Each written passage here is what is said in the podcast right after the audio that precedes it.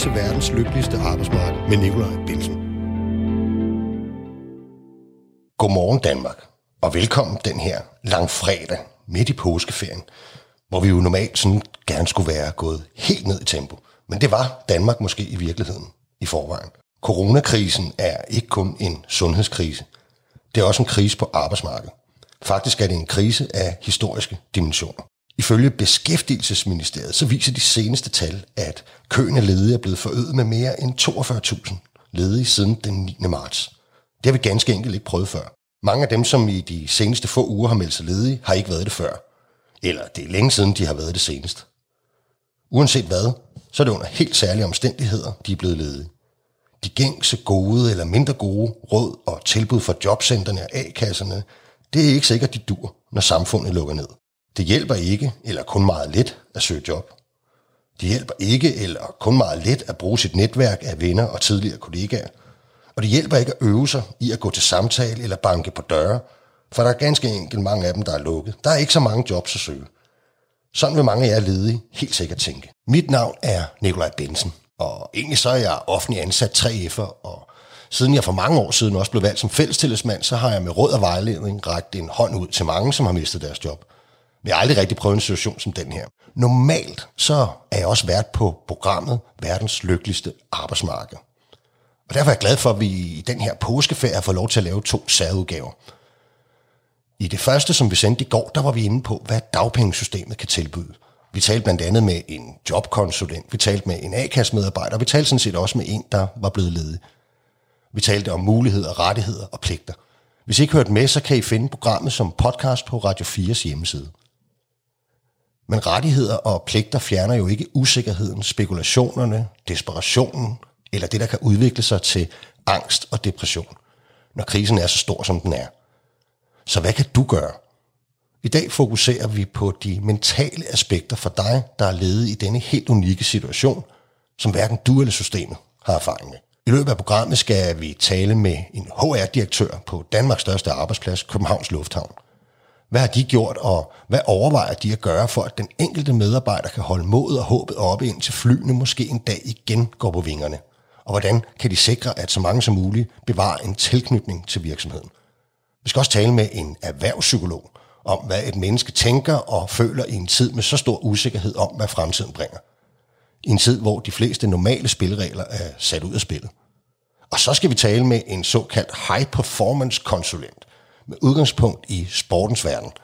For når en elitesportsmand eller kvinde bliver langtidsskadet, er isolation meget ofte et vilkår, som skal takles meget målrettet.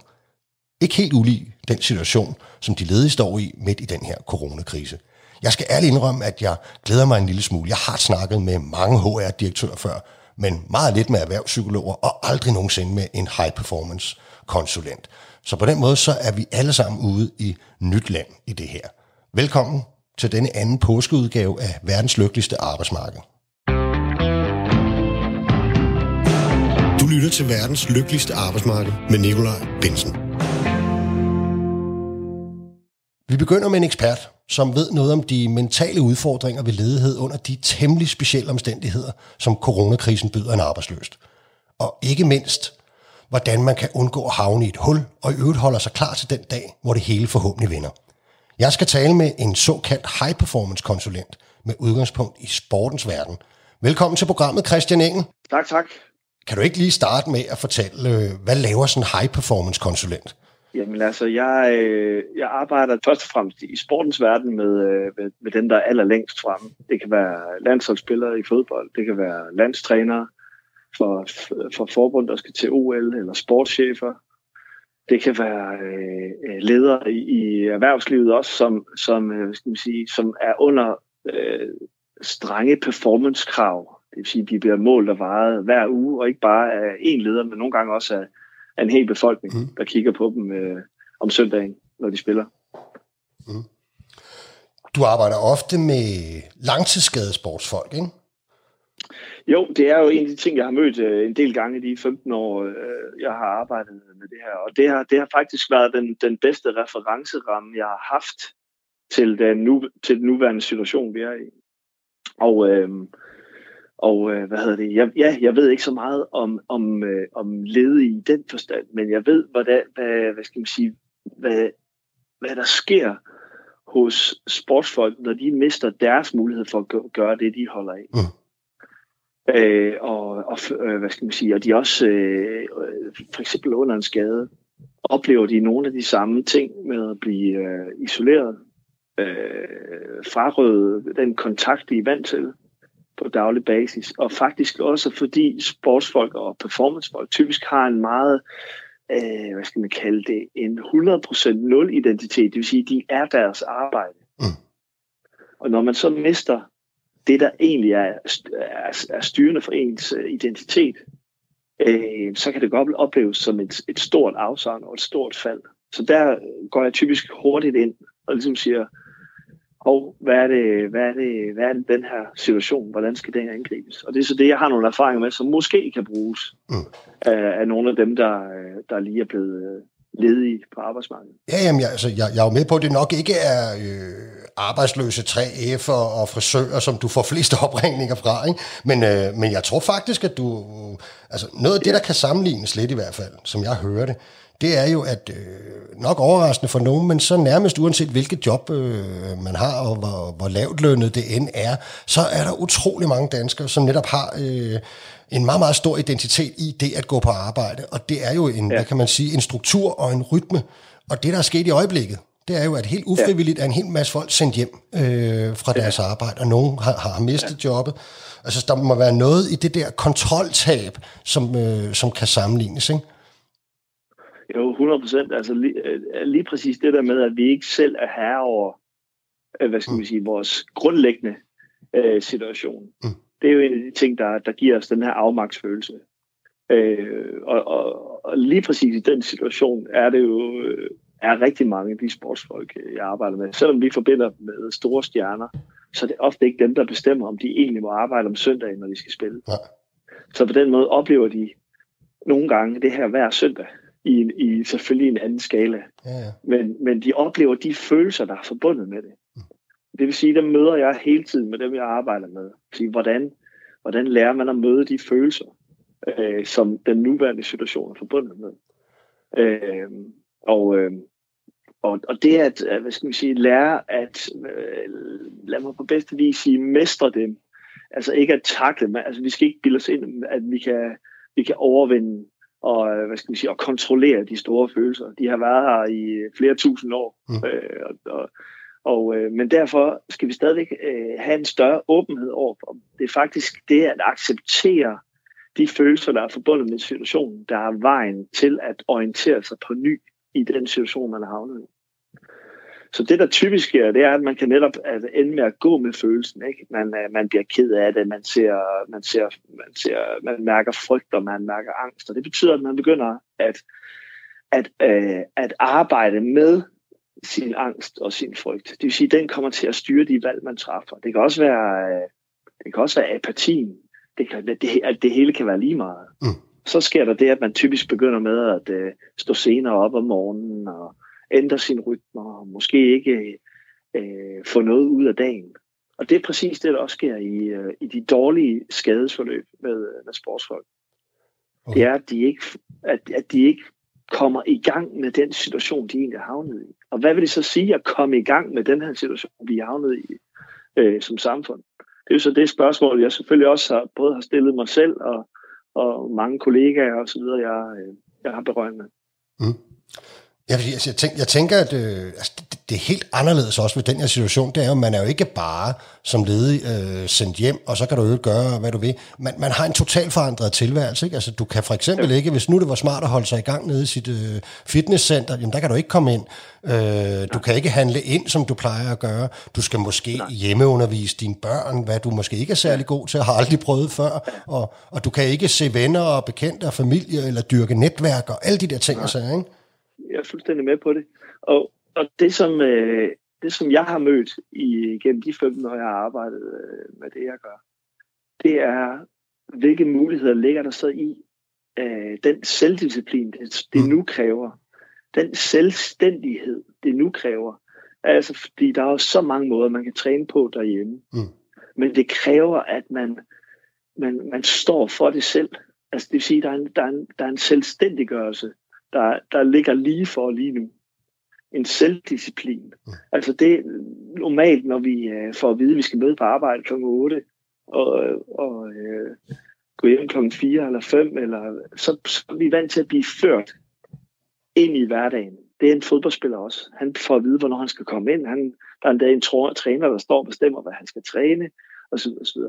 Så, så der er faktisk meget lidt selvstændighed i vores normale livsførelse i rigtig, rigtig mange jobs. Ja.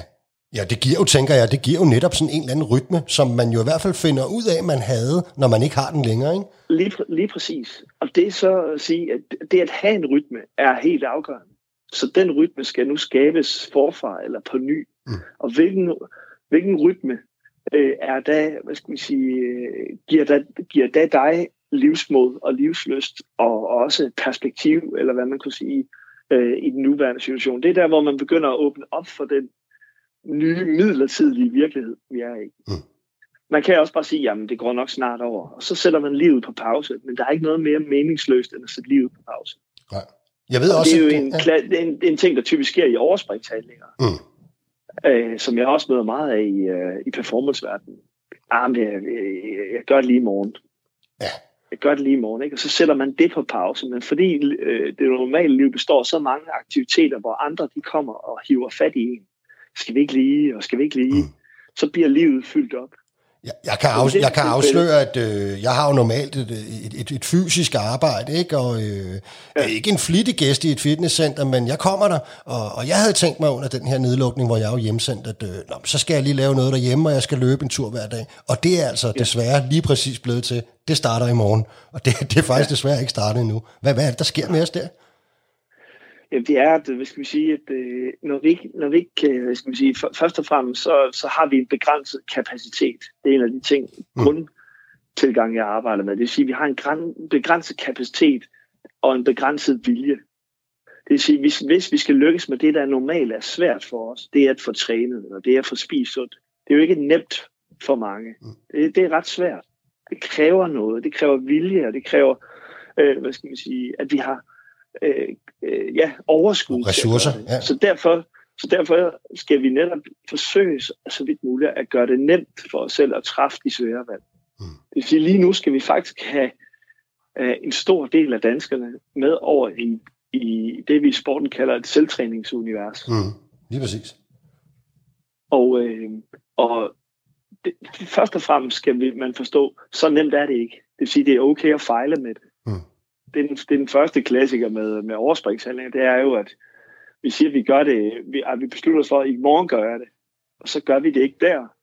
Og så sker der det faktisk, at vi stopper med at, at, øh, at sige, jamen så gør jeg det i morgen, og så gør man heller ikke. Altså man stopper med, med, med, med karusellen, fordi man ikke man kan ikke holde ud, blive ved med ikke at bekræfte den forventning, man lige har stillet op til sig selv.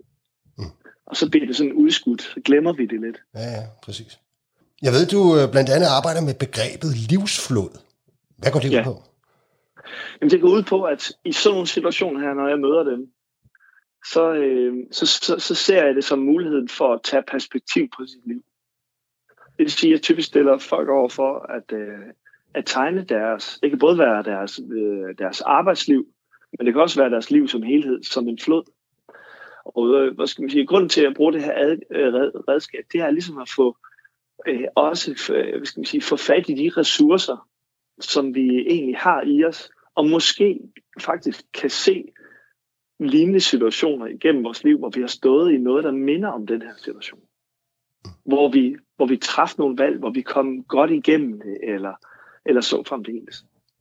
Og det at, hvad skal man sige, at få perspektiv på tingene, og få samlet sig sammen, at, at, hvad skal man sige, øh, det ligger faktisk i ordet, nu må du tage dig sammen det, det handler om at samle sig. Samle sig som person. Hvem er jeg? Hvem kan jeg være i den her situation? Og hvem vil jeg være i den her situation? Jeg skal, jeg skal lige høre helt konkret. Skal, skal man tegne den, altså sådan helt konkret fysisk på et stykke papir? Helt konkret.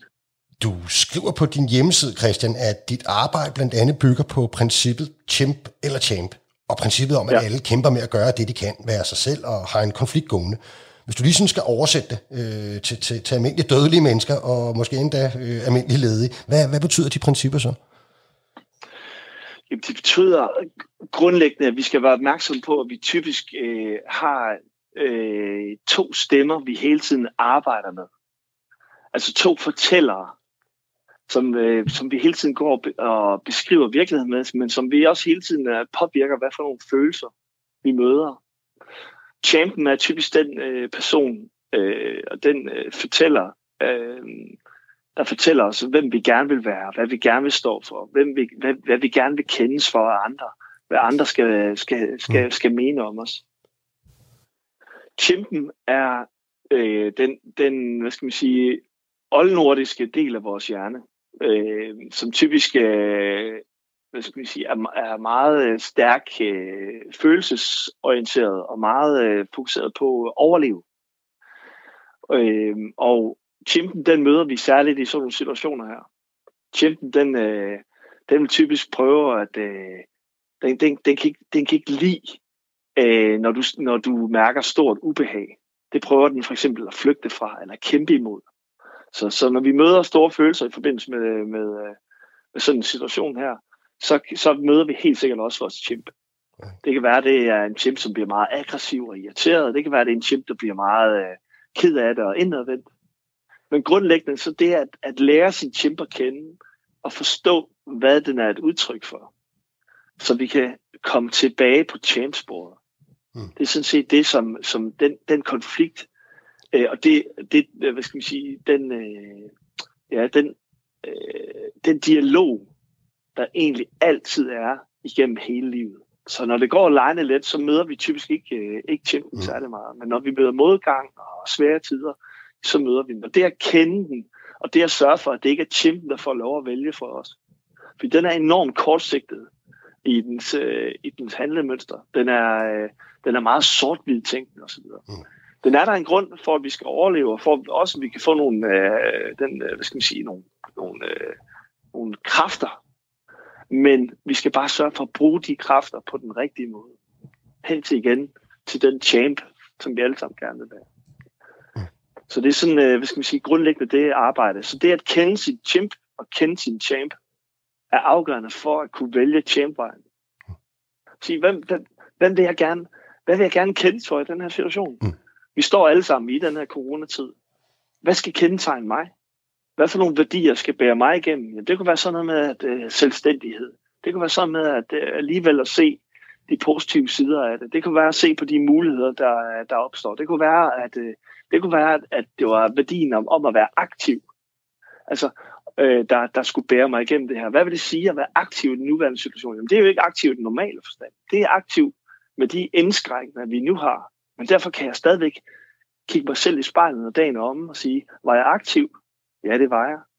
Okay, det har jeg bestemt mig for, var, en, var, var et, et succeskriterie for en god dag. Mm. Og så er vi godt i gang med en positiv spiral igen. Og, når, og en af de ting, jeg plejer at sige til folk, som jeg arbejder med, som har mistet deres job, det er at sige, hvis du først venter med at flyve, til du kommer i det nye job, så tager det lang tid, før du kommer op i hastighed i det nye job. Så mm. sørg for at flyve ind i det nye job, ved at du allerede er godt i gang. Du er allerede i momentum. Øh, altså, Hit the ground running. Ja, præcis. Mm. Jeg tænker her, Christian, til, til allersidst, ikke? Øhm, jeg er blevet ledet her under coronakrisen. Jeg har det problem, at øh, at jeg synes, det er bunduretfærdigt, fordi det havde sådan set ikke noget med mig at gøre. Jeg er begyndt at få en lille bitte smule svært ved at holde fokus, og så til min egen overraskelse er jeg faktisk også lidt svært ved at tage mig sammen. Ja. Gør allerede én ting i dag, den samme dag, du beslutter for at gøre noget. Det allervigtigste for hmm. bevægelse, det er den første igangsætning. Som jeg talte om med min med egen mor i går, så sagde han, jeg har jo 10.000 ting, jeg godt kunne tænke mig at gøre lige nu. Men det, at der er 10.000 ting, gør, at du ikke får gjort den eneste af dem. Ja. Så, så start med noget, der er vigtigt, men nemt for dig at komme i gang med. Hvad kunne det være? Jeg tror især det sidste kan mange ikke genkende til. Og ved du hvad? Christian Engel, High Performance Konsulent. Tusind tak, fordi du ville medvirke i programmet. Værsgo. lytter til verdens lykkeligste arbejdsmarked med Nikolaj Bensen. Nu skal vi så lidt længere ind i sindet. Længere ind i sindet på den enkelte ledige. Vi skal høre om udfordringerne og hvad man som ledig kan gøre for ikke at gå ned med fladet. Jeg har derfor erhvervspsykolog Karen Marie Firgård i røret. Velkommen til programmet, Karen Marie. Tak for det. Kan du ikke først øh, fortælle lytterne, hvad en erhvervspsykolog er til forskel fra det, vi kunne kalde for sådan en almindelig psykolog? Altså, en erhvervspsykolog er en universitetsuddannet psykolog, som har specialiseret sig i at arbejde med psykologien i arbejdslivet. Og så hjælpe medarbejdere, som oplever en eller anden form for psykisk belastning eller dårlig mental helbred, der har med deres arbejdsliv at gøre. Jeg ved, at du også er medlem af det særlige corona-ekspertpanel, som Dansk Psykologforening har nedsat. Hvad, øh, hvad er det, I laver der? Ja, altså Dansk Psykologforenings uh, corona-ekspertpanel, der arbejder med, vi med, hvordan vi som psykologer kan bidrage med den viden, som forskellige psykologer har, øh, til myndigheder og relevante samarbejdspartnere. Det er både i den konkrete krise, som er lige nu, men også med at forebygge de konsekvenser, som krisen har for samfundet. Og så sidder vi altså sammen en række psykologer med forskellige specialer og forskellige arbejdsområder, og vi mødes på ugebasis for at drøfte, hvordan psykologien og psykologerne de kan yde deres bidrag til, at vi som samfund øh, kan man sige, kommer, kommer lettest muligt, eller mindst smertefuldt, eller øh, mest kloge igennem den her krise. Okay, altså hvis vi nu prøver at vende os lidt til sådan øh, den enkelte ledige, altså dem, som, som jo er kommet, øh, ikke bare de fleste, vi må gå ud fra, alle dem, som er blevet arbejdsløse siden coronakrisen ligesom øh, indtraf, øh, der er det ufrivilligt, kan man sige. Ikke? Øhm, og helt overordnet, så har ingen af os jo stået i den her situation før, øh, som mange ledige, øh, nye ledige står i nu. Øh, hvad vil du allerførst sige til en ledig, øh, øh, som netop er blevet det? Det første, jeg altid siger til folk, det er, hvor er det godt, du kom. Hvor er det godt, du beder om hjælp. Fordi hele udgangspunktet for, at man overhovedet har gavn af at få hjælp, det er selvfølgelig, at man erkender, at man har brug for det og åbne over for den hjælp, man så får. Og når det så er sagt, så vil jeg faktisk bede personen om at fortælle mig, hvad der mere præcis er sket, og hvordan det er sket, altså hvordan er du blevet ledig. Fordi så er vi på fælles grund, og så kender jeg personens historie, kan man sige, sådan som personen selv ser det. Så vil jeg være nysgerrig på, hvilken betydning det har for den fyrede, at man er blevet fyret, og at man er blevet fyret lige nu. Fordi øh, vi reagerer forskelligt på at blive fyret. Øh, og det vi reagerer på er øh, blandt andet den betydning, vi tillægger fyringen. Det er også lidt forskelligt, om det lige er sket, eller om der for eksempel er gået en uge. Så kan reaktionerne også se lidt forskellige ud. Øh, men det, det, der er helt grundlæggende, det er, at øh, man, man, man vil have det sådan, at man vil opfatte verden gennem et mere negativt filter, når man er ramt af noget uventet og svært, som man ikke selv er herover. Mm. Og det er man jo netop, som du siger, ikke selv herover i den her situation.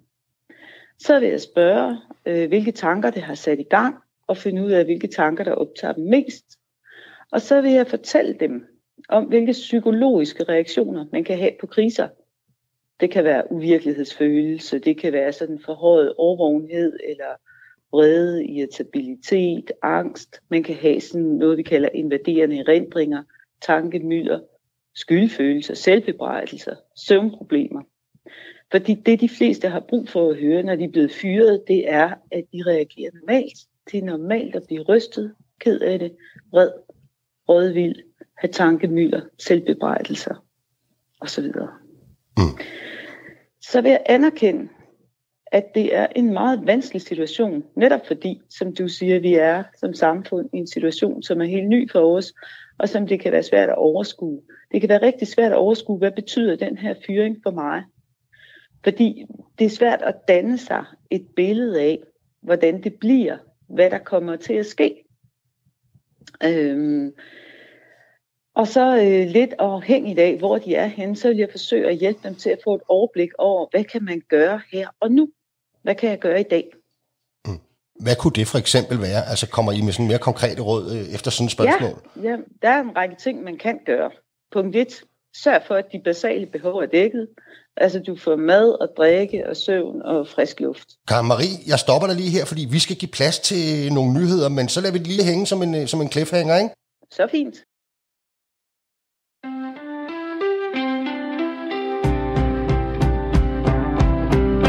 Du lytter til verdens lykkeligste arbejdsmarked med Nikolaj Bilsen. Og så er vi tilbage i den her anden særudgave af verdens lykkeligste arbejdsmarked og erhvervspsykologen. Karen Marie Firgård, hun lød os jo lidt hænge øh, i forhold til nogle konkrete øh, ting, man kunne gøre. Hvor var det, du, øh, hvor var det, du slap os, Karen Marie? Altså det her med at sørge for, at de basale behov er dækket, og at man skaber en daglig dag, hvor man beskæftiger sig med sin nye situation i et afgrænset tidsrum. For eksempel fra klokken 10 til klokken 12 forholder jeg mig til, at jeg er blevet ledig, og jeg undersøger det, der skal undersøges, taler om dem, der skal tales med, osv. Det tredje punkt af det, man kan gøre, det er at få gjort noget af det, som giver værdi for dig. Noget kreativt, noget socialt, noget fysisk. Og når jeg siger noget socialt, så er det jo selvfølgelig sådan noget online socialt, altså at man skyper med nogen, eller facetimer med nogen, eller mm. snakker med nogen, eller måske skriver sammen med nogen. Det, det er jo de muligheder, vi har øh, i disse tider, kan man sige. Ligneragtigt, ligneragtigt. Og så det at prøve at skabe en positiv forestilling for sig selv om, hvordan vil jeg gerne have, at mit liv skal se ud om et år? Skal der forandres noget? Øh, skal det være, som det var, før jeg blev fyret?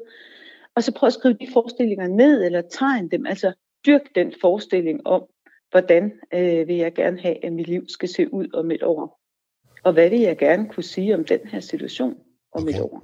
Men, men prøv lige at høre, hvad hedder det? Jeg tænker jo, uden at jeg ved det, ikke, så tænker jeg, at øh, nogle af dem, der bliver ledige nu, det er, sådan, det er et andet segment måske, end, øh, eller det er det i hvert fald også, end dem, som øh, normalt er inde og ude af, af ledighedssystemerne. Nogle er det jo, fordi at sådan er deres arbejdsliv nu engang. Andre har jo sæsonarbejde, og nogle er freelancer og alt det der. Ikke? Men vi kan jo godt risikere, at nogle af dem, der er blevet afskedet nu på grund af coronakrisen, helt ufrivilligt, det er folk, som måske faktisk har haft et fast arbejde, mere eller mindre gennem hele deres arbejdsliv, gået fra job til mm. job, måske mm. ligefrem har haft det samme job de sidste 10, 15, 20 år. Og, ja. altså, tror du, de kan forstå sådan en melding om, at øh, hvor vil du gerne være henne om et år, og, og alt sådan noget? Øh, ja, men altså, det, det er jo svært for mig øh, og, og sådan, sådan helt gætte på. Det, det vil give mening for nogen at stille sig selv det spørgsmål. Mm. Øh, så der, fordi der, der er både den her håndtering, der hedder her nu, hvad kan jeg gøre i dag, men øh, i forhold til hvad? Hvis man kan skabe sig sådan en positiv forestilling om, hvor man er henne om et år, så vil man jo hver dag kunne tage et skridt hen imod den positive forestilling. Hmm. Kunne det ligefrem være, måske, ja, kunne det ligefrem være ja. sådan et, øh, et rum til, til refleksion over, om jamen, måske var det tid til et sporskifte. Altså, jeg har egentlig altid tænkt mig måske at læse videre til det her, eller skifte branche, øh, lave noget helt andet. Er det sådan nogle tanker, der også kunne komme op i, i sådan en forbindelse her?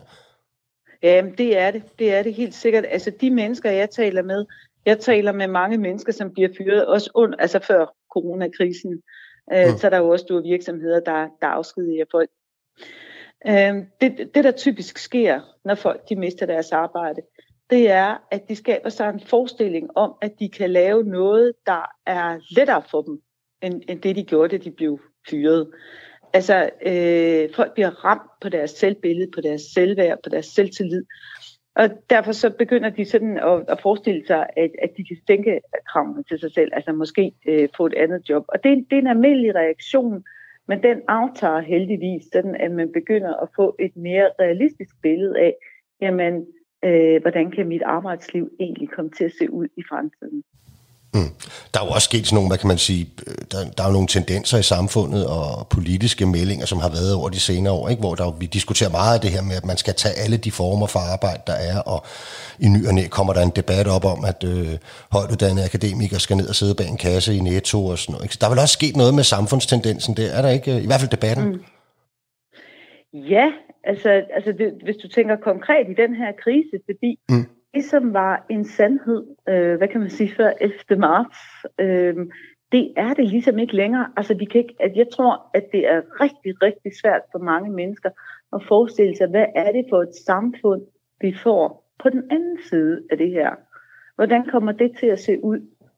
Øh, og det vil sige, at vi kan slet ikke, øh, eller det kan være svært at forestille sig den samfundsmæssige kontekst, og så kan det være svært at forestille sig, hvordan kan jeg agere ind i det? Og man kan jo også sige det her med, at altså, et er jo, hvilke tiltag politikerne, regeringen og arbejdsmarkedets parter tager, øh, om deres initiativer giver anledning til håb eller endnu mere desperation, men, men øh, hvordan kan man ligesom filtrere alt det der, og så fokusere fuldstændig på, hvordan kan jeg hjælpe mig selv i det her? Det er klart, regler er jo regler, og de skal overholdes og sådan noget, ikke? Øh, hvis man er i et mm. dagpengesystem for eksempel. Hvordan kan man skære ind til, til, til at hjælpe sig selv? Jamen, det kan man netop ved at forholde sig til, hvem er jeg? helt grundlæggende. Og hvad er jeg god til? Mm. Og der kan det være en ganske god idé at tale med øh, sine kollegaer, altså dem, man nu har mistet. Mm. Sandsynligvis vil der være flere, der er blevet afskediget. Altså, øh, altså man er en del af en gruppe, der er blevet afskediget. Mm. Og det at tage kontakt til de kollegaer og få set sig selv med deres øjne, sige, hvad synes du egentlig, jeg var god til? Hvor synes du, mine styrker er henne? Hvad, hvad tænker du, hvis du skulle give mig et råd? Hvad skulle jeg så satse på fremover? Øhm, det kan også være andre kollegaer eller folk, man har arbejdet sammen med tidligere i tidligere ansættelser, for ligesom at få styrket og nuanceret et billede af sig selv og tegnet et klart billede af sig selv. Mm. Og på den baggrund, altså det, det, det vil styrke dig som menneske at gøre det. Øhm, og det kan være, at, øh, at man kan aftale, at man øh, mødes digitalt øh, hver tredje dag eller sådan noget øh, med de her øh, tidligere kollegaer. Sådan at, at, at man langsomt får, får lavet, hvad kan man sige, skitsen til, øh, til, til, til, øh, til sig selv. Altså det der, det, der står mellem linjerne på CV'et, mm, så at sige. Mm. Ikke? Øh, og, og ud fra det begynder at, øh, at, at, at kunne ane konturerne øh, til, til, til, til det næste, man skal i sit arbejdsliv. Altså nærmest sådan en slags øh, mus-samtale med sine tidligere kollegaer? Ja, det kan du godt kalde det. Det kan du godt kalde det. Det er et udmærket... Øh, det, det hedder jeg ikke selv tænkt det, det som, men, men øh, det kan man sagtens kalde det. Og, og så find også nogen, du kan tale med om, hvordan du har klaret dig tidligere, når du var i en svær situation. Mm. Altså, det kan måske være din søskende, eller dine forældre, eller din fætter og kusine, eller nogle venner, du har haft øh, gennem, gennem mange, mange år. Hvordan har de set dig klare dig i tid, tidligere, når du var i en svær situation? Hvilke ressourcer gjorde du brug af? Mm. Øhm, og prøv også at, at tale med nogle af dem, som, som du synes, du ligner. Hvad har de gjort, når de var i vanskelige situationer? Mm den måde kan du få sådan et, øh, det kan man sige, den, næsten et, et kort over, øh, ja, handlemuligheder. Handlemuligheder, ja. Jeg tænker på sådan, øh, for det er jo helt overordnet, ikke, Karen Marie, at øh, der er jo nogen, der ligesom øh, på en eller anden måde, synes jeg måske, øh, nedtoner hele den her situation lidt, ikke? Altså sådan, jeg, har, jeg ved ikke, om du også har læst de der med, om vores øh, bedsteforældre, de har oplevet krigen, og vi skal bare være derhjemme med vores børn, hvor slemt kan det være, ikke? Og øh, hvad enten du er hjemsendt med løn, eller at du er blevet ledig derhjemme, ikke? Altså, jeg, der er et eller andet i mig, der synes, at, at skal vi ikke passe på med, at... Øh, at nedtone den her totalforandring, det jo trods alt er den situation, øh, man står i. Altså jeg personligt synes jeg overhovedet ikke, det er sjovt at være derhjemme og undervise mine børn. Alt det. Jeg synes, det er skidesvært og meget anderledes. Mm. Jeg kan da kun forestille mig, at det er meget værre, hvis man er ledig, for eksempel. Skal vi ikke passe på, at vi ikke negligerer? Og jeg er helt enig med dig det må man nemlig ikke negligere. Det må man virkelig ikke negligere. Det skal tages alvorligt. Alle har brug for at blive taget alvorligt, når de er i noget, der er svært for dem. Og alle har brug for, at andre mennesker rundt omkring dem anerkender, at det er svært at være i den her situation, fordi den er særlig, fordi den er uvis. Og det, som vores bedste forældre kunne og gjorde, jamen det gjorde de jo i den samfundsmæssige kontekst, i den tid, de gjorde det. Og man skal tænke på, at det er en helt anden øh, dannelsesproces, altså personlig dannelsesproces, vi har i dag. Øhm, og, og det at stå over for noget, der er så uvist, som det vi står i nu, når man har mistet sit arbejde, det er ganske alvorligt for, for, for det enkelte menneske at finde fodfæste i det. Og det skal man bestemt tage meget alvorligt. Det er, det er ikke i orden at, at, at negligere det. Mm.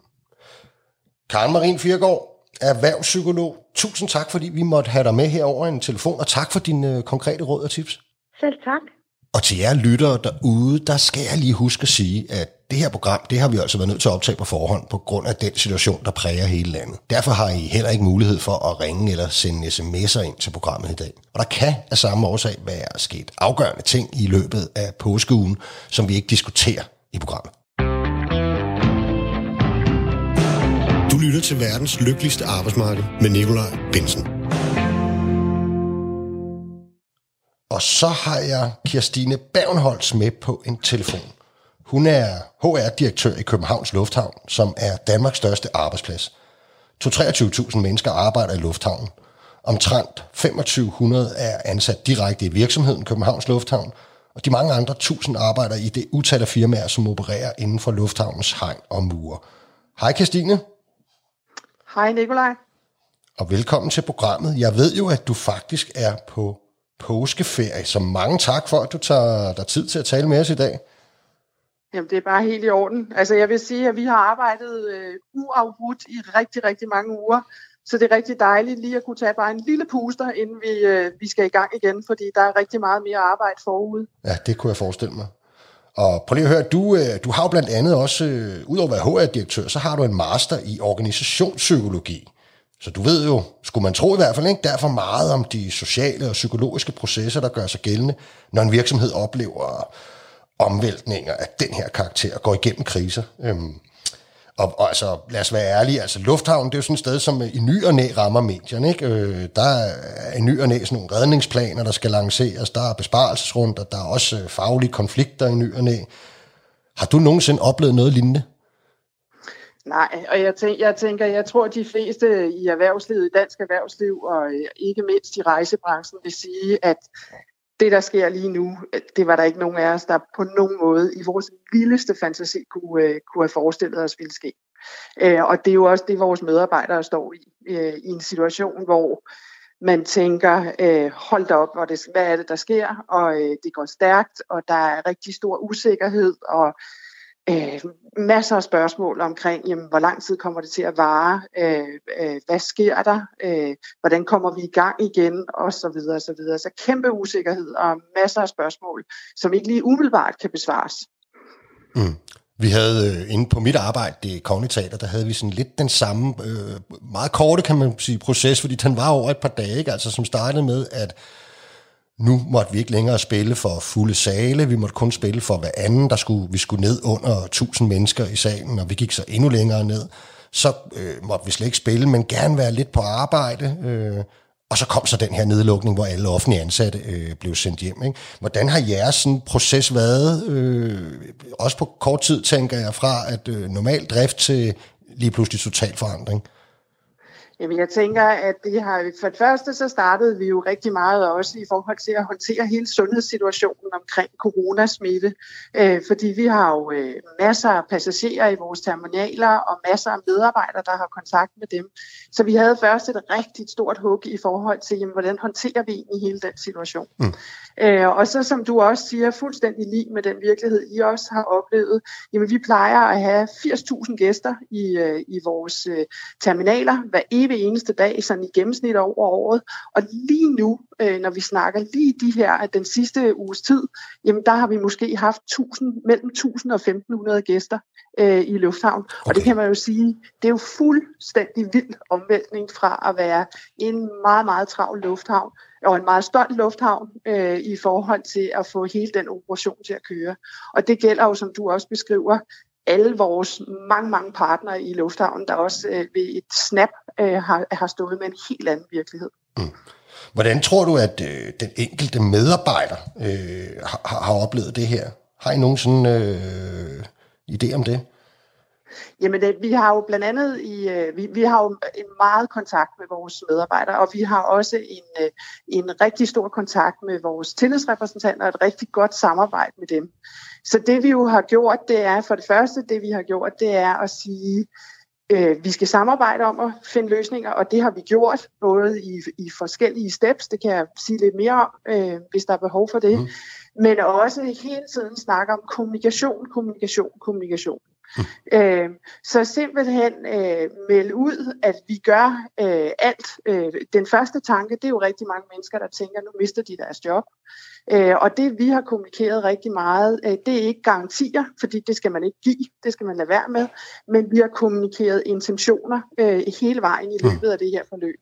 Så vi øh, har sammen også med vores tillidsrepræsentanter været ude og kommunikere, at vi gør alt for at bevare vores arbejdspladser. Øh, vi har også kommunikeret, at alle er meget værdsatte og vigtige. Øh, så selvom vi går på et lavt plus, og der er nogle medarbejdere, som ikke øh, skal arbejde, jamen så er de ikke mindre vigtige af den grund.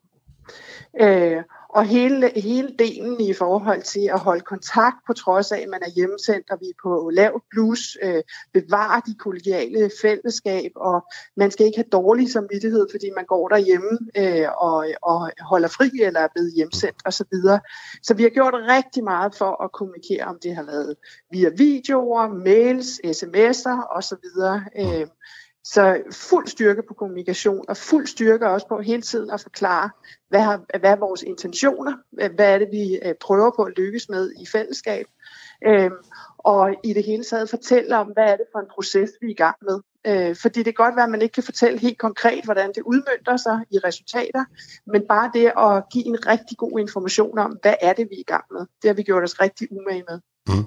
Og det er jo meget sjovt, det der med kommunikation i store organisationer, ikke? fordi altså, vi plejer jo at sige til hinanden, at jamen, den kan der simpelthen ikke være for nok af, eller for meget af, og alligevel er der nok nogen, der hører det, de, de har lyst til at høre. Ikke? Øhm, jeg har faktisk oplevet noget andet i, i, i den her situation, nemlig at at, at, øh, og vi havde også en ledelse, som var utrolig dygtig til at, øh, at kommunikere meget, og ligesom du også selv nævner, øh, meget intentioner, og meget, vi læner os op af sundhedsmyndighederne, sådan, så det ikke var personlige beslutninger, men altså sådan noget, der var validt, ikke? Øh, også sundhedsmæssigt. Og, og der oplevede vi faktisk, at der var nogle enkelte, der først så folk begyndte at blive sendt hjem, øh, som faktisk synes at det var lidt voldsomt med den der to-tre mails fra den øverste ledelse øh, om dagen, øh, fordi nu skulle de også lige håndtere en situation med deres børn og hjemmeundervisning, og hvad sker der med det hele og sådan noget. Har I oplevet noget lignende? Altså jeg vil sige, at øh, der, der, jeg skal da ikke udelukke, at der er nogen, der øh, har, øh, har synes, det har været for meget, men jeg vil sige, at vi har fået helt utrolig positiv feedback øh, fra hele befolkningen i forhold til at sige, ej, hvor er det dejligt, I holder os orienteret. Øh, hvor er det godt, at vi samarbejder om at finde de her løsninger, og i det hele taget en, en, et udtryk også, hvor, øh, og det kan jeg forestille mig, det kongelige teater også, det er også en meget stolt organisation, og det er Københavns Lufthavn også, øh, den der stolthed også i forhold til, at vi har kommunikeret rigtig meget om, at øh, ligegyldigt hvordan situationen ser ud nu, så øh, varetager vi en rigtig vigtig øh, kritisk samfundsmæssig funktion mm. ude i lufthavnen. Mm. Øh, så hold fast i, vi er vigtige, ligegyldigt om vi er på lav plus lige nu, men øh, vi øh, udfører noget rigtig vigtigt arbejde. Mm. Øh, det har også været meget væsentligt.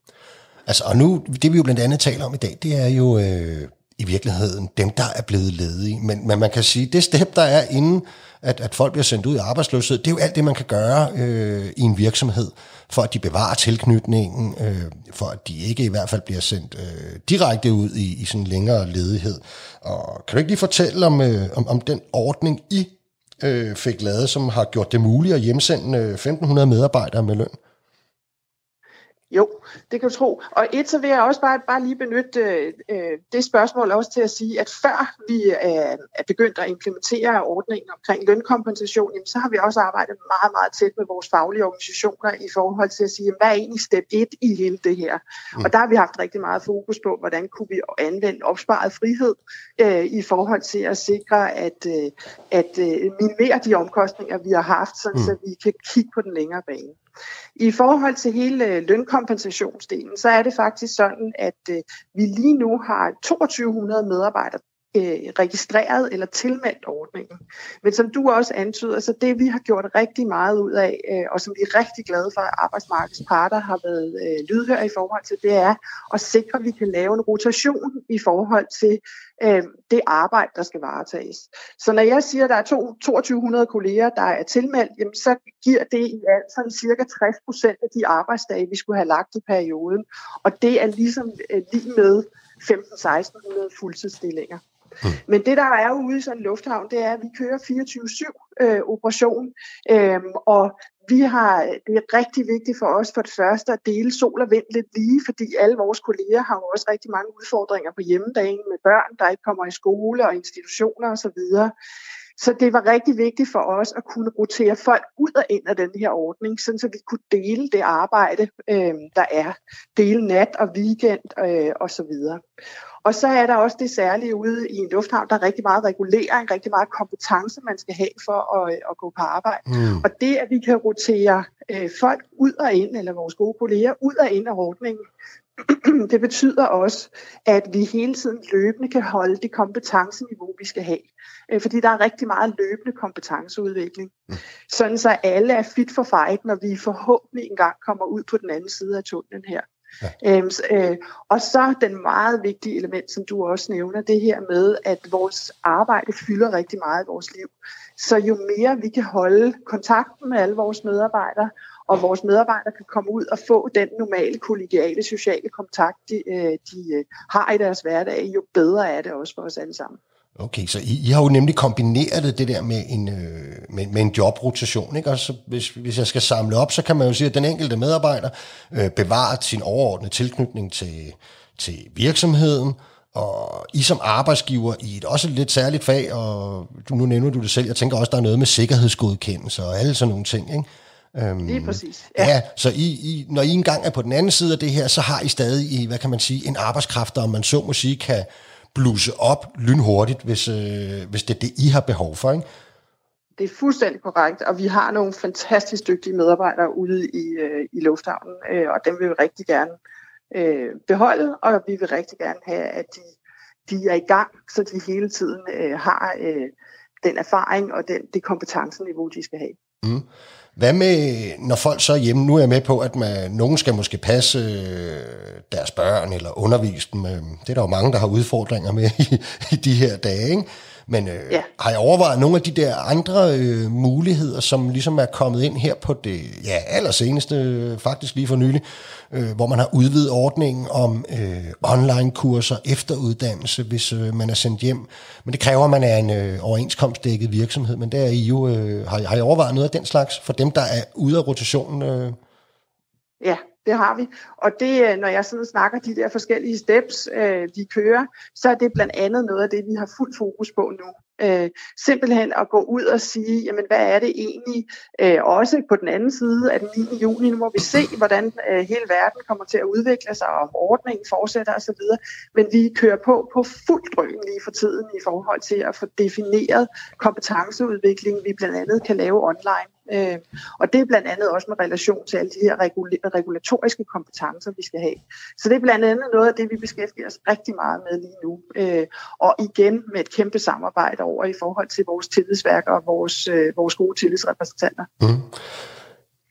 Så er der jo det der med, hvad kan man sige, den enkelte. Jeg tænker, at, og det der er i hvert fald min oplevelse blandt øh, mine kollegaer, og mange af de ansatte, I har sendt på de her ordninger, det er jo folk, der, hvad kan man sige, der har en, en, en slags fysisk arbejde. Ikke? Øh, er det ikke?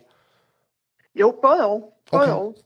Ja, det er både, øh, vi har både øh, folk på overenskomst, altså timelønnede medarbejdere, vi har også rigtig mange funktionærer, og vi har faktisk også en del ledere, som vi har sendt okay. hjem, så det er en stor det er en blanding. Gruppe. Ja, okay. Nå, fordi jeg har nemlig bemærket, særligt dem, som er vant til at have et arbejde, hvor, øh, om man så må sige, at man øh, går i bad, efter man har udført det, og ikke før man møder, øh, har jo ligesom den her, hvad skal vi sige, at det, det er sådan en stor del af, af strukturen, og det er altså noget andet, de kan lave derhjemme, end for eksempel lederen øh, vil kunne gøre, mens de er hjemme. Ikke? Øh, hvordan hjælper I med, med, med for, for den enkelte ansatte, som har den type arbejde, og ligesom at takle den usikkerhed, og ja, måske det er i virkeligheden sådan lidt hullet kontroltab, der ligger i det? Ja, og, og, og du har jo fuldstændig ret. Der er noget arbejde, der nemmere kan varetages hjemmefra. Mm. Øh, det er da helt sikkert. Og hvis man er øh, en af vores gode kolleger, der sørger for rengøring over i vores terminaler, eller hvis man er buschauffør, eller hvad det nu kan være, så er det jo svært at tage arbejdet med hjem. Øh, men det vi gør, vi er så heldige ude i lufthavnen, at, øh, at alle vores medarbejdere, de har en iPhone. Øh, og det er simpelthen fordi, vi bruger øh, vores iPhones til både øh, at lave planlægning af arbejde, registrering af mm. arbejde, og også lave rigtig meget kompetenceudvikling og kommunikation via vores iPhones. Så vi har rigtig nemt ved at, øh, at holde kontakten øh, til vores medarbejdere. Christine Bavnholz, HR-direktør i, i Københavns Lufthavn. Øh, må jeg ikke have lov at sige, at jeg synes, det har været utrolig opløftende at høre, at, der, at I har et rigtig godt samarbejde derude med medarbejderne og en rigtig god dialog. Så tusind tak, fordi vi måtte øh, tale med dig. Selv tak. Du lytter til verdens lykkeligste arbejdsmarked med Nikolaj Bensen. Og så er der bare tilbage at sige mange tak for i dag til jer, der har lyttet med derude. Nu har dagens program nemlig nået sin ende.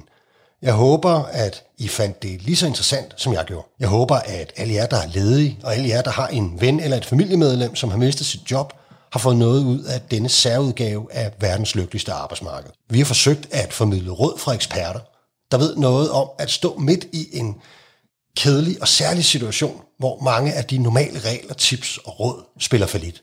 Vi har talt med en HR-direktør, en erhvervspsykolog og en konsulent, der normalt rådgiver eliten i sportens verden. Hvis du sidder derude med en idé til et emne fra det danske arbejdsmarked, vi bør tage op, så kan du sende en mail til arbejdesnabelagradio4.dk. Vi er nemlig tilbage igen i en helt ordinær udgave af verdens lykkeligste arbejdsmarked, og det sker på mandag fra kl. 11.05 til kl. 12 her på Radio 4. Mit navn er Nikolaj Bensen. Verdens lykkeligste arbejdsmarked er produceret af Rakkerpark Productions for Radio 4. Producer var i dag Jens Munk.